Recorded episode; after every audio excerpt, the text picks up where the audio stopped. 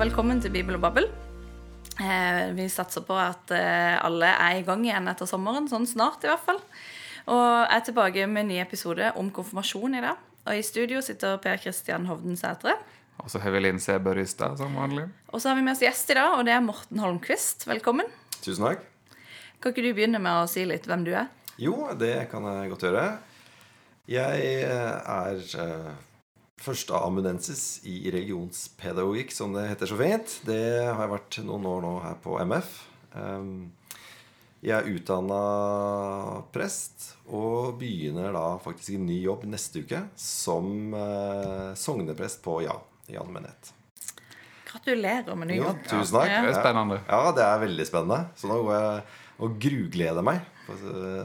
Så det her blir eh, ja, en spennende høst. Kommer du fortsatt til å være her på MF? Ja, jeg gjør det. En liten, en liten kobling til MF fortsatt. Mm. Eh, Så får vi se åssen det går. Men Du skal få i gang min, eh, få i land min doktoravhandling først, eller? Ja, det, det, det, det får vi til. Ja. Men eh, grunnen til at vi har spurt deg, da, er jo fordi du har forska på konfirmasjon. Mm.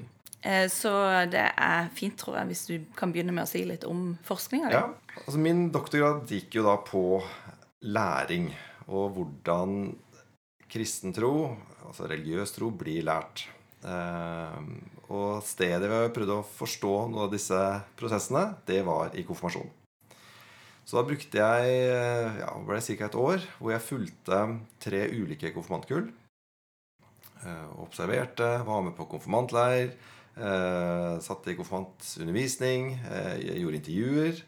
Eh, sov på, på gulvet på diverse leirer og i det hele tatt. Um, og prøvde å forstå hva er det som foregår i forhold til læring. Og læring i denne sammenhengen her blir jo da forstått som en eller annen form for uh, endring. da. Hvordan skjer det noen form for endringsprosesser uh, rundt kristen tro med disse konfirmantene. Det var jo en utrolig tidkrevende og spennende og inspirerende tid. Eh, og så har jeg liksom prøvd å få liksom landa hva, er det, hva er det jeg har funnet, da. Um, hovedfunnet, tenker jeg, da, var at når kristen tro blir lært, eller når da religion blir lært, i hvert fall i en konfirmasjonssetting, så eh, på en måte rigges kristen tro forskjellig. Eh, gjennom måten ikke, metoden, men gjennom måten tilnærmingen til eh, læringen, så, så blir kristen tro én greie for konfirmantene. Og for prester, kateketer, trosopplærere så blir det noe annet. Um, det som jeg prøver å vise, er at i disse læringsprosessene som da uh, foregår Og det var ikke alltid det var så mye læring, det må jeg også si. Dessverre. Jeg det har også gjort liksom, noen refleksjoner rundt hva, hva, skjer når det ikke skjer noe. Mm. Um, så for konfirmantene så ble da kristen tro Det ble en form for praksistro. Hoveddriven i forhold til kristen tro for dem ble noe som jeg kan gjøre. Um, og som, som kan, kan, være som en ressurs i hverdagen min. F.eks. bønn. Husker jeg spurte liksom, ja, har det skjedd noen endringer. da? Hva, fortell, hva, fortell om dette konfirmantåret. Og så var det jo litt sånn vage, men liksom når vi fått snakka litt rundt, så bare Jo, men det, det her med bønn det, det, Der har skjedd noe helt nytt nå. Ja vel, fortell. Jo, fordi jeg var veldig stressa på skolen. Det var veldig mye sånn gruppearbeid, og alle skulle gjøre så mye. Og så tenkte jeg at Vent nå litt. Nå kan jeg be. Det var en konfirmant som sa det. Eller noen andre kunne snakke om at de kunne be hjemme hvis det var en tung dag, og de ja, var ensomme, eller ting var vanskelig. Så kom det liksom på ja, Vent litt, jeg kan jo faktisk be. Og det var noe nytt nå. Og da tenker jeg det er en form for læring, da. Eh, og andre dro fram nattveien. Og det tenker jeg er sikkert For mange som jobber med konfirmanter, så er det her litt sånn gammelt nytt. Eh, og noen har liksom snakka om en nattverdsvekkelse blant konfirmanter. I hvert fall du ser historisk, så det er ikke, så ikke mange år tilbake hvor nattvær var noe litt sånn ja, Det var en høy terskel til nattværsbordet. Få gikk dit. Um, og historisk så var jo, var jo nattværen det store målet for konfirmasjon. Var jo sånn, var derfor du skulle konfirmeres, for å kunne ta nattvær. Men så har det skjedd noen endringer her. Store endringer, tenker jeg da. Hvor da nattvær for veldig mange, tror jeg, blir denne positive ressursen. Um, og en, en konfirmant sa til meg at det, det er en sånn følelse at jeg kan starte på nytt. Og liksom, mm. Det er ikke at jeg har så mange synder, kanskje, da, men allikevel. At jeg kan starte på nytt. Og det er en god følelse, altså. Og så, det motsatte fall, da tenker jeg i forhold til prester og kateketer, så var på en måte hoveddriven, eller hvordan kristen tro ble eh, faktisk i spill da, for disse prestene og kateketene, så var det ofte eh, fokuset på at det på en måte skal henge sammen som mer som et sånn logisk system. Det er ikke så rart det at vi har liksom at det skal jo gi en mening for oss. Det er jo selvfølgelig. Men allikevel så ble det en sånn type ja, fokus på at du skulle eh, huske dette, denne sammenhengen. da. Og, og, mange prester sa til meg at eh, disse konfirmantene kommer med så store kunnskapshull. Det var liksom et fokus. da. Det, det, disse hullene da må vi tette. Eh, og da på en måte Konsekvensen av det blir da et veldig fokus på eh, å huske noen sentrale fortellinger. Eh, tette igjen noen hull. Eh, og, og, da blir liksom resultatet litt sånn at kristentroa blir plassert litt sånn oppi huet. Det er fordi det er noe du husker. Eh, og du skal huske de ti bud, du skal huske Fader vår. Det er ikke noe gærent i det. Men det, det, spiller seg ut to ganske ulike former for kristen tro, vil jeg da si. da. Um, ja. Gir det her mening, eller blir det her veldig rart? Ja, det, det gir rart? absolutt mening. Ja. Ja. Ja. Men, men, et spørsmål som melder seg, er nå at på en eller annen måte så er nå konfirmantene sine tolkninger, disse praksisene Altså mm. når de sier sånne ting som at eh, nattverden gir meg mulighet til å starte på nytt. Ja. Altså Det er noen form for anvendt teologi. De har jo på en måte hørt hva som har blitt sagt, og kobla det til det de gjør. på en eller annen måte, ikke det? Jo, og, og det interessante der er jo at um, mange har en, allikevel en opplevelse at det her er noe fint nå, tror jeg, før de egentlig har skjønt så mye av hva, hva er dette her. Mm. Det, det, er absolutt det er noe fremmed og rart. Uh, men allikevel så, så, har de en eller annen nesten en form for intuitiv forståelse at det her er noe, det er noe fint noe. Um, og, jeg, og her tenker jeg det er potensialet for konfirmantundervisning. da mm. uh, Og det, det synes jeg var litt rart, kanskje, at det ikke ble mer tatt tak i. Koblinga til dåp og nattvær. Nattvern kan fremstå litt sånn løsrevet som en, sånn, en fin greie vi bare gjør. Eh, og her er det jo masse teologisk potensial og ressurser, og man kan virkelig eh, jobbe med for for å, skape det litt mer sånn eh, tydelig meningssammenheng. Da. Jeg tenker at eh, jeg syns det er veldig spennende med disse kunnskapshullene. Eh, fordi det kjenner jeg igjen fra mitt eget feltarbeid. At veldig mange av prestene og kateketene og de frivillige medarbeiderne også, som jeg har intervjua, Eh, de er opptatt av dette her at eh, disse barna som kommer til trosopplæring, de kan ingenting. Mm. Så vi må tette igjen masse hull. Mm.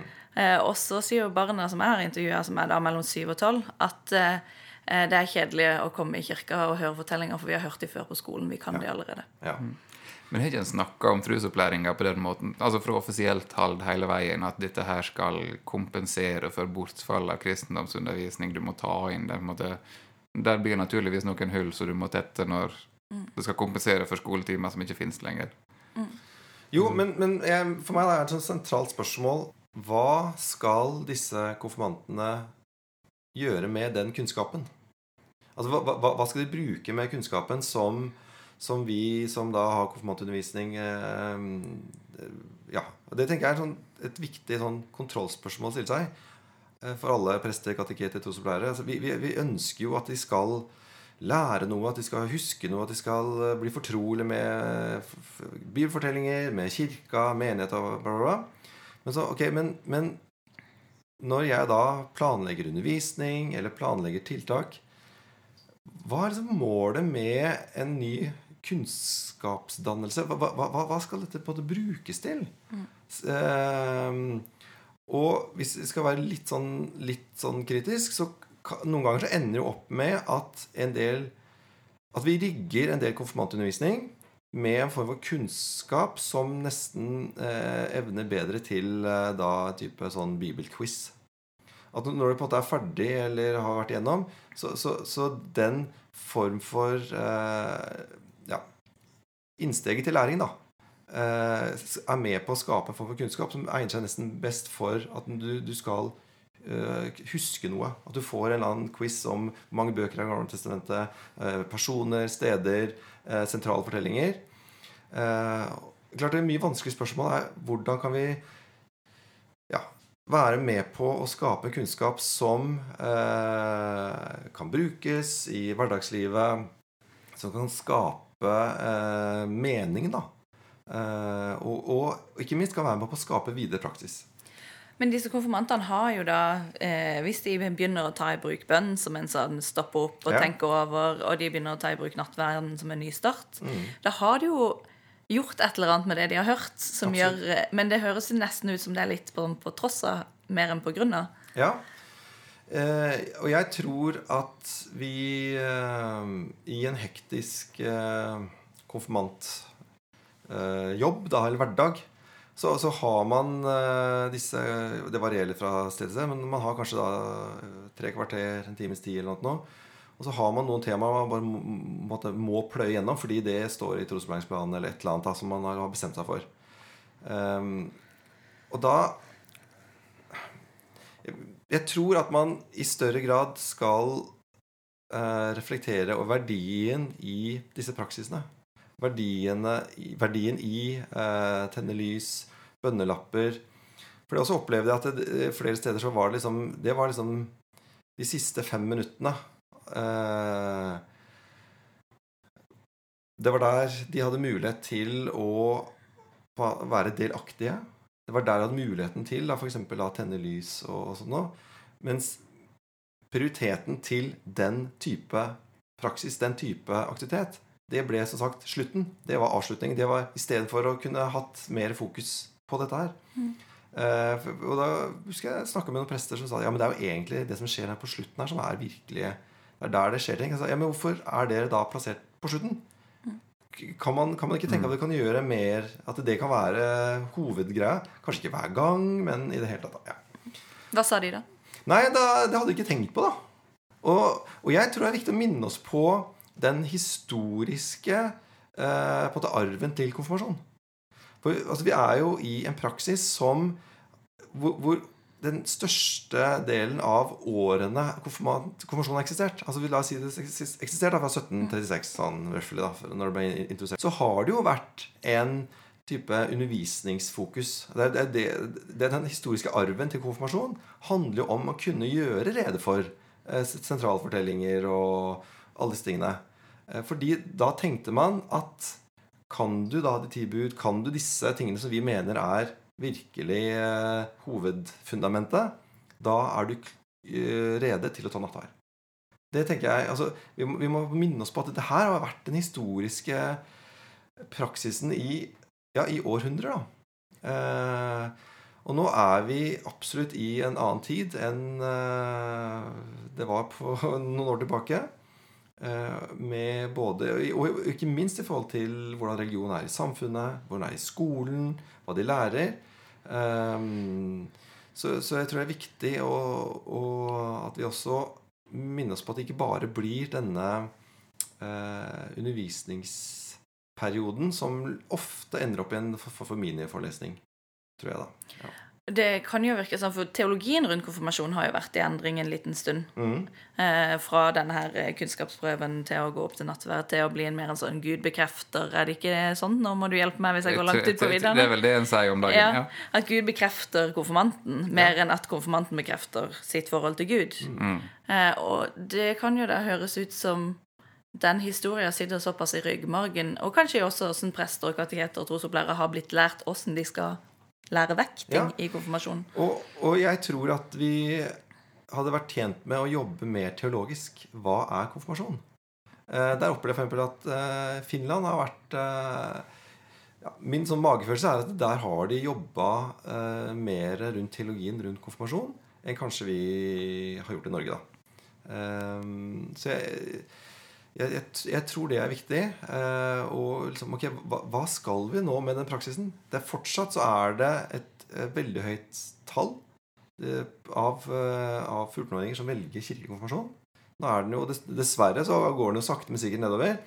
Nå er den vel nedi eh, ja, 59 eller Ikke såpass, ja. ja. Jeg tror det. Mm. Eh, og det, og det er ikke mange år siden den var ja, nesten opp mot 70. Ja. I hvert fall 60-65 um, Liten, liten digresjon dette her, da, men allikevel jeg, altså, Du ser statistikken i, i Sverige, så jeg mener å huske at når det da bikka eh, 50% av årskullet, da stupte statistikken. Mm. Ehm, og da kan man spørre seg om det kommer til å skje også i Norge. Det vet vi jo ikke, da. Men, men, men jeg tror i hvert fall da at det er viktig ehm, Vi må lage så bra konfirmasjon som mulig. Eh, vi, vi, vi, kanskje vi blir jo litt sånn bortskjemte. At igjen, denne historiske arven til konfirmasjon er jo at det bare kommer et nytt kull år etter år etter år. Det har det gjort nå i flere hundre år. Men, men eh, plutselig så, så kanskje gjør det ikke det. Nei. Men du nevner nå dåp og nattvær som praksiser. eh, Men hvordan, i denne podkasten så snakker vi jo om, eh, om, om bibeltekst og Mm. bruk av bibeltekstene. Mm. Eh, Hvordan forholder konfirmantene seg til Bibelen? Blir det en del av denne kunnskapsbiten som de ikke greier å forholde seg til, eller hvordan fungerer det?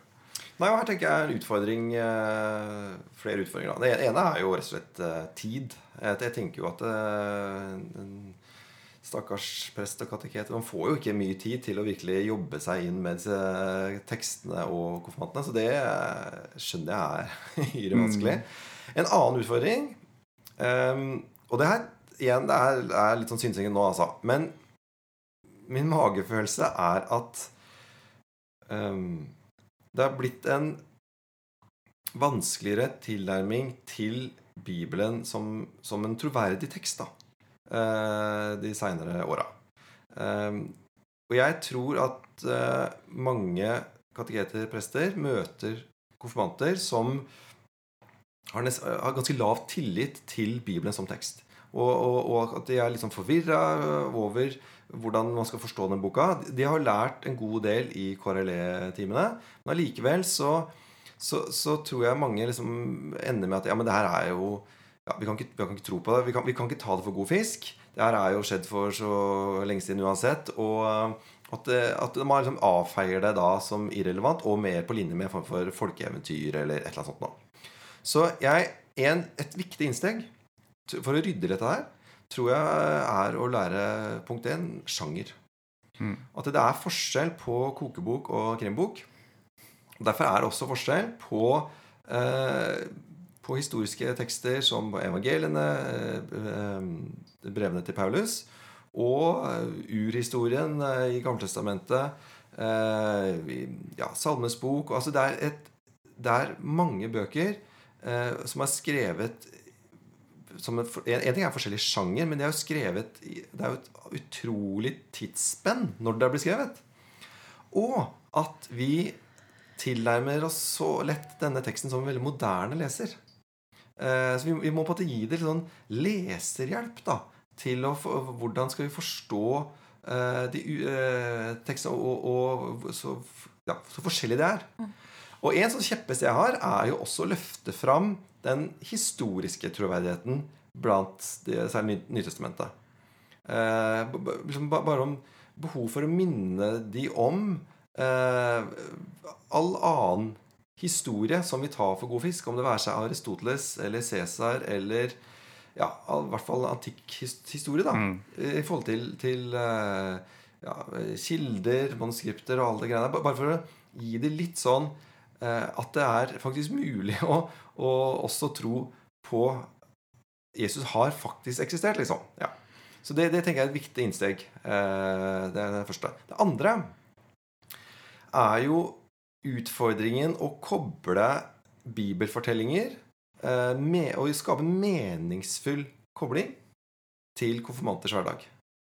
Um, og jeg hadde en sånn herre litt sånn aha-moment på hytta i sommer. Hvor jeg leser da en del bøker, og da vil jeg gjerne lese litt sånn fortellinger. Om det er seg krim eller historiske romaner. Og liksom bli litt sånn Det er deilig å bli tatt av en fortelling og bare leve seg inn og lese.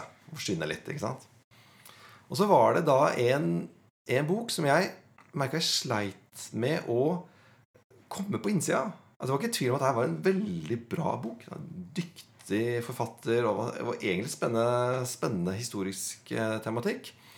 Eh, det var, eh, var England på 1500-tallet og mye om, om dramatikk på kongehuset og sånt noe. Men så ble det så vanvittig mange navn. Og så skjønte jeg at jeg kan jo veldig lite om kongehuset på 1500-tallet. Og så, og så, så bare la jeg boka bort. For jeg, jeg, jeg ble for forvirra, det ble for mange løse tråder det, det, ble for få koblingspunkter, da. Men så var det en annen uh, historisk roman som, som var om, um, om, om, om, slavehandel. Om uh, Forferdelig historie, egentlig, men om en jente som da ble tatt som slave på 1700-tallet i et afrikansk land. Men, og, der, og, der, begynte romanen eh, blant disse eh, kristne, altså kvekerne på, i England på 1800-tallet som, som jobba for å avskaffe slaveri. Det her er jo folk som jeg har lest om. Jeg har til og med vært i London og vært på noen av stedene. Og så bare Oi, dette her kjenner jeg litt til. Det var noen navn. Det var noen koblingspunkter som gjorde da at jeg eh, følte at jeg liksom ble hekta på. Mm. At jeg etter hvert da kom innenfor fortellingen. Og så Det ble for meg en sånn parallell da, til mange av disse bibelfortellingene. At vi, vi, vi, vi, har, er så som prest, kateket, trosarbeider, kristen, whatever. Altså, du, man er så glad i disse fortellingene. Vi vil jo så gjerne, og det er så mye kunnskapshull, og hva skal vi gjøre? Bla, bla, bla, og så i vår iver, da, så tror jeg vi, vi, vi på en måte glemmer hvor fremmed dette er, og, og hva som skal til for å skape disse meningsfulle koblingspunktene. Uh, uh, og for at det her ikke bare da blir en masse fremmede navn og steder og eh, forvirrende handlingsplott, liksom. Men at vi må gjøre en eller annen jobb. Og der har ikke noen fasitsvar, da. Det er jo da dessverre. Så. Men, men, men, i det minste så, så, må vi rett og slett tilnærme det oss som eh, en, en, fortelling. Og som en tekst som, som skal skape meningsfull kobling. Eh, og det tror jeg vil, vil være forskjellig eh, fra sted til sted. da. For jeg tenker litt, altså Som du sa tidligere, at, at en har mye konfirmantundervisning lagt vekt på at du skal lære faktakunnskap, og du skal kunne svare på en mm. bibelquiz. Mm. Mm. Og at det i kristne sammenhenger, og blant oss som er profesjonelle i bransjen, er sånn der, at bibelkunnskap er bra i seg sjøl. Mm. Ja. At det er liksom bare gitt, altså det er gitt at dette her er nyttig. Mm. Men at vi sier ikke hvordan. Nei. Uh, og at eh, nei, det å kunne kongerekka i juda Eller det er sikkert ingen som pugger sånne ting lenger. Men altså men, men en gang har det vært bra. Altså, jeg var jo en sånn konfirmant som likte disse tingene. Det er jo derfor jeg driver og skriver doktorgrad. Uh, men det er ikke alle. Uh, men, at, men at det har bare vært forutsatt at dette her skal være viktig, dette skal være interessant. Men vi har glemt å si noe om hvorfor en trenger det. Mm. For jeg tenker at når en lærer om sjanger og hvordan lese fortellinger, så har du jo da tenkt hva skal de bruke denne kunnskapen til? Jo, de skal mm. bruke den til å forstå bibelfortellingene bedre. Mm. Det er ikke for å pugge bibelquiz, mm. men det er for å kunne forstå og lese, mm. og da skape disse meningsrommene som mm. opp, kan oppstå. men fortsatt, liksom, altså, Hvorfor skal du bry seg om disse tekstene i det hele tatt? Altså... Ja, og Det er jo et veldig godt spørsmål. Og jeg tror jo at det er jo egentlig ganske få som leser Bibelen. Det er ikke bare konfirmanter. Altså Jeg tror jo den jevne menighetsmedlem der ute Jeg tror ikke det er utrolig mange som leser Bibelen. Det, Kifu hadde jo en eh, undersøkelse for et par år siden. Og da var det jo uh, Pinsevennene kom jo veldig godt ut, da. De, og unge gutter, hvis jeg husker riktig. Ja, og det var jo ingen som skjønte. Selv ikke KIFO-forskere skjønte det her, og det skjønner ikke jeg heller. Det er veldig rart. Mm. Men det er helt riktig. Mm. Unge gutter de, de skårte litt, litt goder høyere. Men jeg tror det var et sted rundt 10 av eh, kirkefolket med Norsk kirke, medlemmer av Norsk kirke leste Bibelen av Jeg husker ikke om det var uh, ukentlig eller jevnlig. Eller. Jeg tror så- det sto regelmessig, eller noe sånt. Og det var det for noe. Ja. Og, og pinsevenner var jo oppe i 85% eller noe. Men nå skal det sies at eh, 10% er jo da ganske mye folk. Ja. Det er jo litt flere medlemmer i Norsk kirke enn i pinsemenigheter. rundt omkring. Allikevel, da. Jeg tror at vi har tjent på der også å jobbe med en eh, form for en annen eh, teologi rundt det å lese Bibelen, kanskje. Eh, for, for der tror jeg vi er mm, absolutt mye å lære da, av våre frikirkelige venner. Som jeg, jeg er også oppvokst frikirkelig, og, og husker også at vi hadde veldig sånn, brukt mye tid på altså Hvorfor var det viktig å lese eh, Bibelen? Jo, for der, der møtte du Gud. Så det er klart at eh, som en uh, ung, eh, from eh, kristen, så var det eh, Ja, gjorde man det. Ja, du var jo ikke den eneste. Jeg kjenner meg igjen i det, for å si det sånn. Eh, og jeg lurer litt på, også fra mitt eget feltarbeid, om denne her eh, sosialiseringsbiten også tas for litt for mye for gitt fremdeles. da, At den har vært en del i kirka. Og jeg ser at de barna jeg har intervjua i mitt feltarbeid, har jo ikke vært i kirka. Derfor vet de ikke helt hva de skal gjøre med ting. Eh, mens jeg som da jeg konfirmerte meg, hadde vært i kirka masse og visste jo hvordan jeg skulle lese bibeltekstene. Og syntes derfor det var veldig spennende altså Jeg var jo sikkert et rart barn, jeg òg, altså. Men syntes det var veldig spennende med disse ekstra faktatingene. Fordi at jeg kunne mye av det andre fra før. Så eh, jeg lurer på om det i denne komplekse situasjonen at også den manglende så innsosialisering i mm. kristne praksiser har noe å si. Ja, absolutt. Jeg tror det er kjempeviktig. At det, det er helt klart at, at det å bli sosialisert inn i kultur, det er jo eh, utrolig viktig. Og det er jo på mange måter det som mangler her, da. Eh, Du rekker det ikke på en Nei. et konfirmasjonsår. nei, jeg, jeg tror ikke det. Uh, og så får man uh, gjøre så godt man uh, klarer. Eh, eh, og så får du jo mange flotte mange, Veldig mange sier jo at leir er jo en veldig viktig Ja, en, en, en flott erfaring, da. Og så er det Det store flertallet får jo da denne gode, fine erfaringen. Og så er dessverre mange som ikke på en måte er aktive i en eh, ja, kristen eh, menighet, gudstjeneste, ungdomsarbeid etterpå. Da. Men eh, når det er sagt, da, så er jo, tenker jeg, det her er jo det vi skal tenke positivt om. At, at konfirmasjon enn så lenge fortsatt kan være en, en, et, en fin inngang til, til å bli en mer større del av et mer sånt ja, varig sted, da. Men innenfor de begrensa rammene som et konfirmantår, det er 60 timer som er minimum, som jeg antyder, ikke det? Uh, er det noen metoder for å lære, lære bibellesning, lære den type tolkning, som en ellers blir sosialisert inn i, uh, som funker? Vet du det? Ja, Det er et godt spørsmål. Uh, Jeg tror det er Punkt én så tror jeg faktisk det er viktig det som du sa, Linn. Det her med ekstra Hva var det du sa for noe? Ekstra fakta eller eh, Ja. noe sånt noe.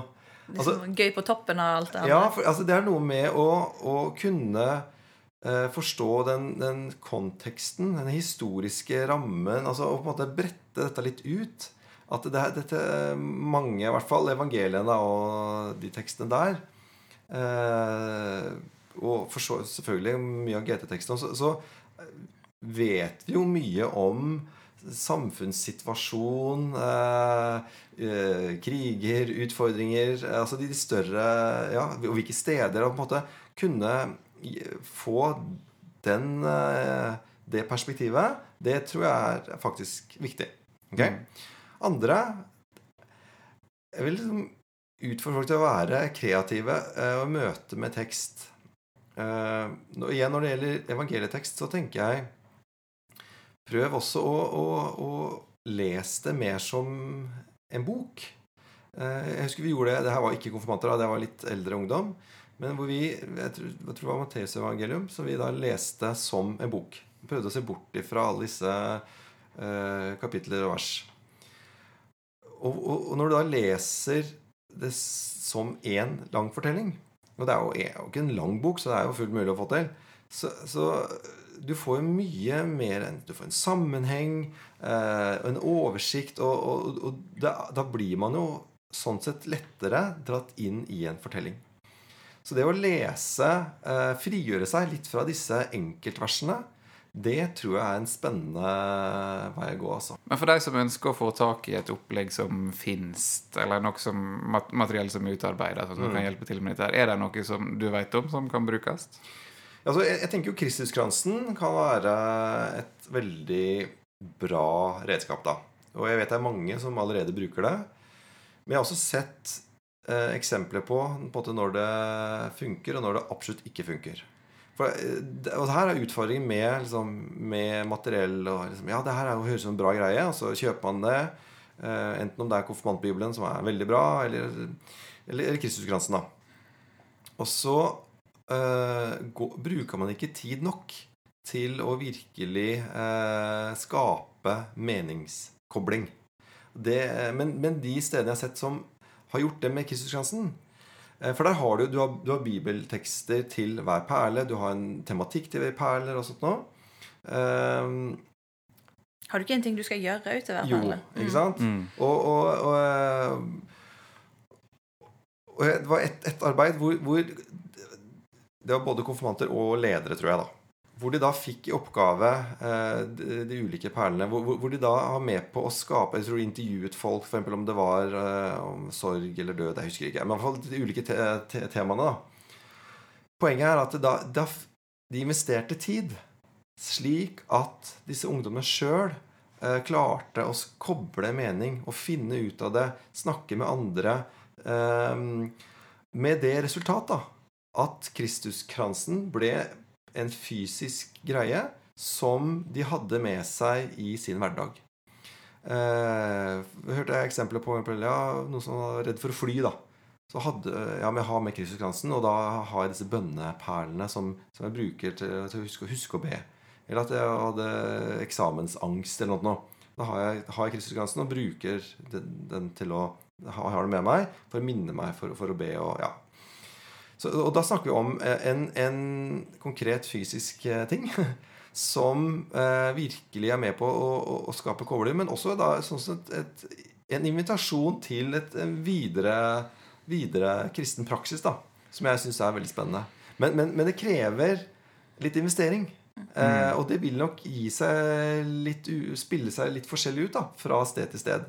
Eh, og da må man rett og slett finne tid eh, til å skape rom for, for, at de skal selv komme og innafor med i dette tilfellet Kristuskransen da, og skape mening. Men det er fascinerende at Kristuskransen er altså Det er en av få mulighe eh, muligheter en har til å faktisk snakke konkret om hvordan tolker en bibeltekst, og hvordan Absolutt, knytter altså. du til liv. Altså, Ja. Der er noen hjelpemidler der til ting som vi snakka om før i dag, at ellers så blir det bare underforstått. Ja. Og, og, og jeg, jeg tror at uh, du har Kristiansen, lysgloben Altså disse små uh, fysiske tingene som er med på å åpne rett og slett trosrommet, da, tenker jeg. Uh, og det bare viser at vi har et behov for å, å åpne dette rommet, og for, for å skape mer dynamikk rundt det å kunne gjøre tro. Og, det, og her tror jeg vi gjerne kunne hatt enda mer eh, redskaper og ting og tang som, som er med på å, og, rett og slett at vi kan gjøre, gjøre kristen tro i hverdagen. Jeg tror, og jeg tror at eh, Jeg har jo et eh, eksempel med Kristuskrans i mitt feltarbeid. Men de er jo da lys våken alder, sånn 11-12. Eh, der eh, også eh, åpner det opp sånne rom. Og de er jo veldig tydelige på at eh, nå har jeg denne kransen, så kan jeg ta på den, og så kan jeg tenke på når jeg var på Lysvåken, og når vi hørte om det og det og det. og det og sånn. Så de, de klarer liksom å lage denne koblinga i hodet som veldig mange av barna på de andre stedene jeg var på feltarbeid, ikke klarer å gjøre. Og jeg, jeg tror det er fordi at det stedet jeg var, har de jobba veldig med å få det på innsida. De som står og forteller om Kristuskransen, står med disse bibelfortellingene, står med gjøringene som de skal gjøre etterpå, de forskjellige aktivitetene. Eh, og det var rom til at barna da Altså det er et eller annet fast, men så er det også stort nok rom til at disse barna kan tenke sitt eget inn i det. Men de får relativt mye struktur på at den perla er gledesperla, og da kan du tenke på glede. Så kan du sjøl legge inn hva slags ting det er når du tenker på glede. Men det er det du skal gjøre når du har den perla. Så jeg lurer på om det er den koblinga mellom struktur og allikevel åpenhet som gjør at det kan funke veldig bra. Ja, godt poeng. Men da tror jeg vi må runde av denne episoden. Og takk til Morten Holmquist. Tusen takk, Veldig hyggelig å være her. Ja, Og lykke til i ny jobb neste Jo, uke. takk. Det, det trenger jeg. Da skal du sette spennende. alt dette her ut i praksis. Ja, Ja, ja, se hvordan det går, da. Eh, og vi skal gå i tenkeboksen, og vi skal lage ei episode ganske kjapt. Ta med oss litt ting fra det vi snakka om i dag, og så skal vi prøve å tenke om forkynnelsen i sjølve konfirmasjonsgudstjenesta til neste episode. Så da er vi ganske snart på gjenhør. Takk for i dag. Takk for det.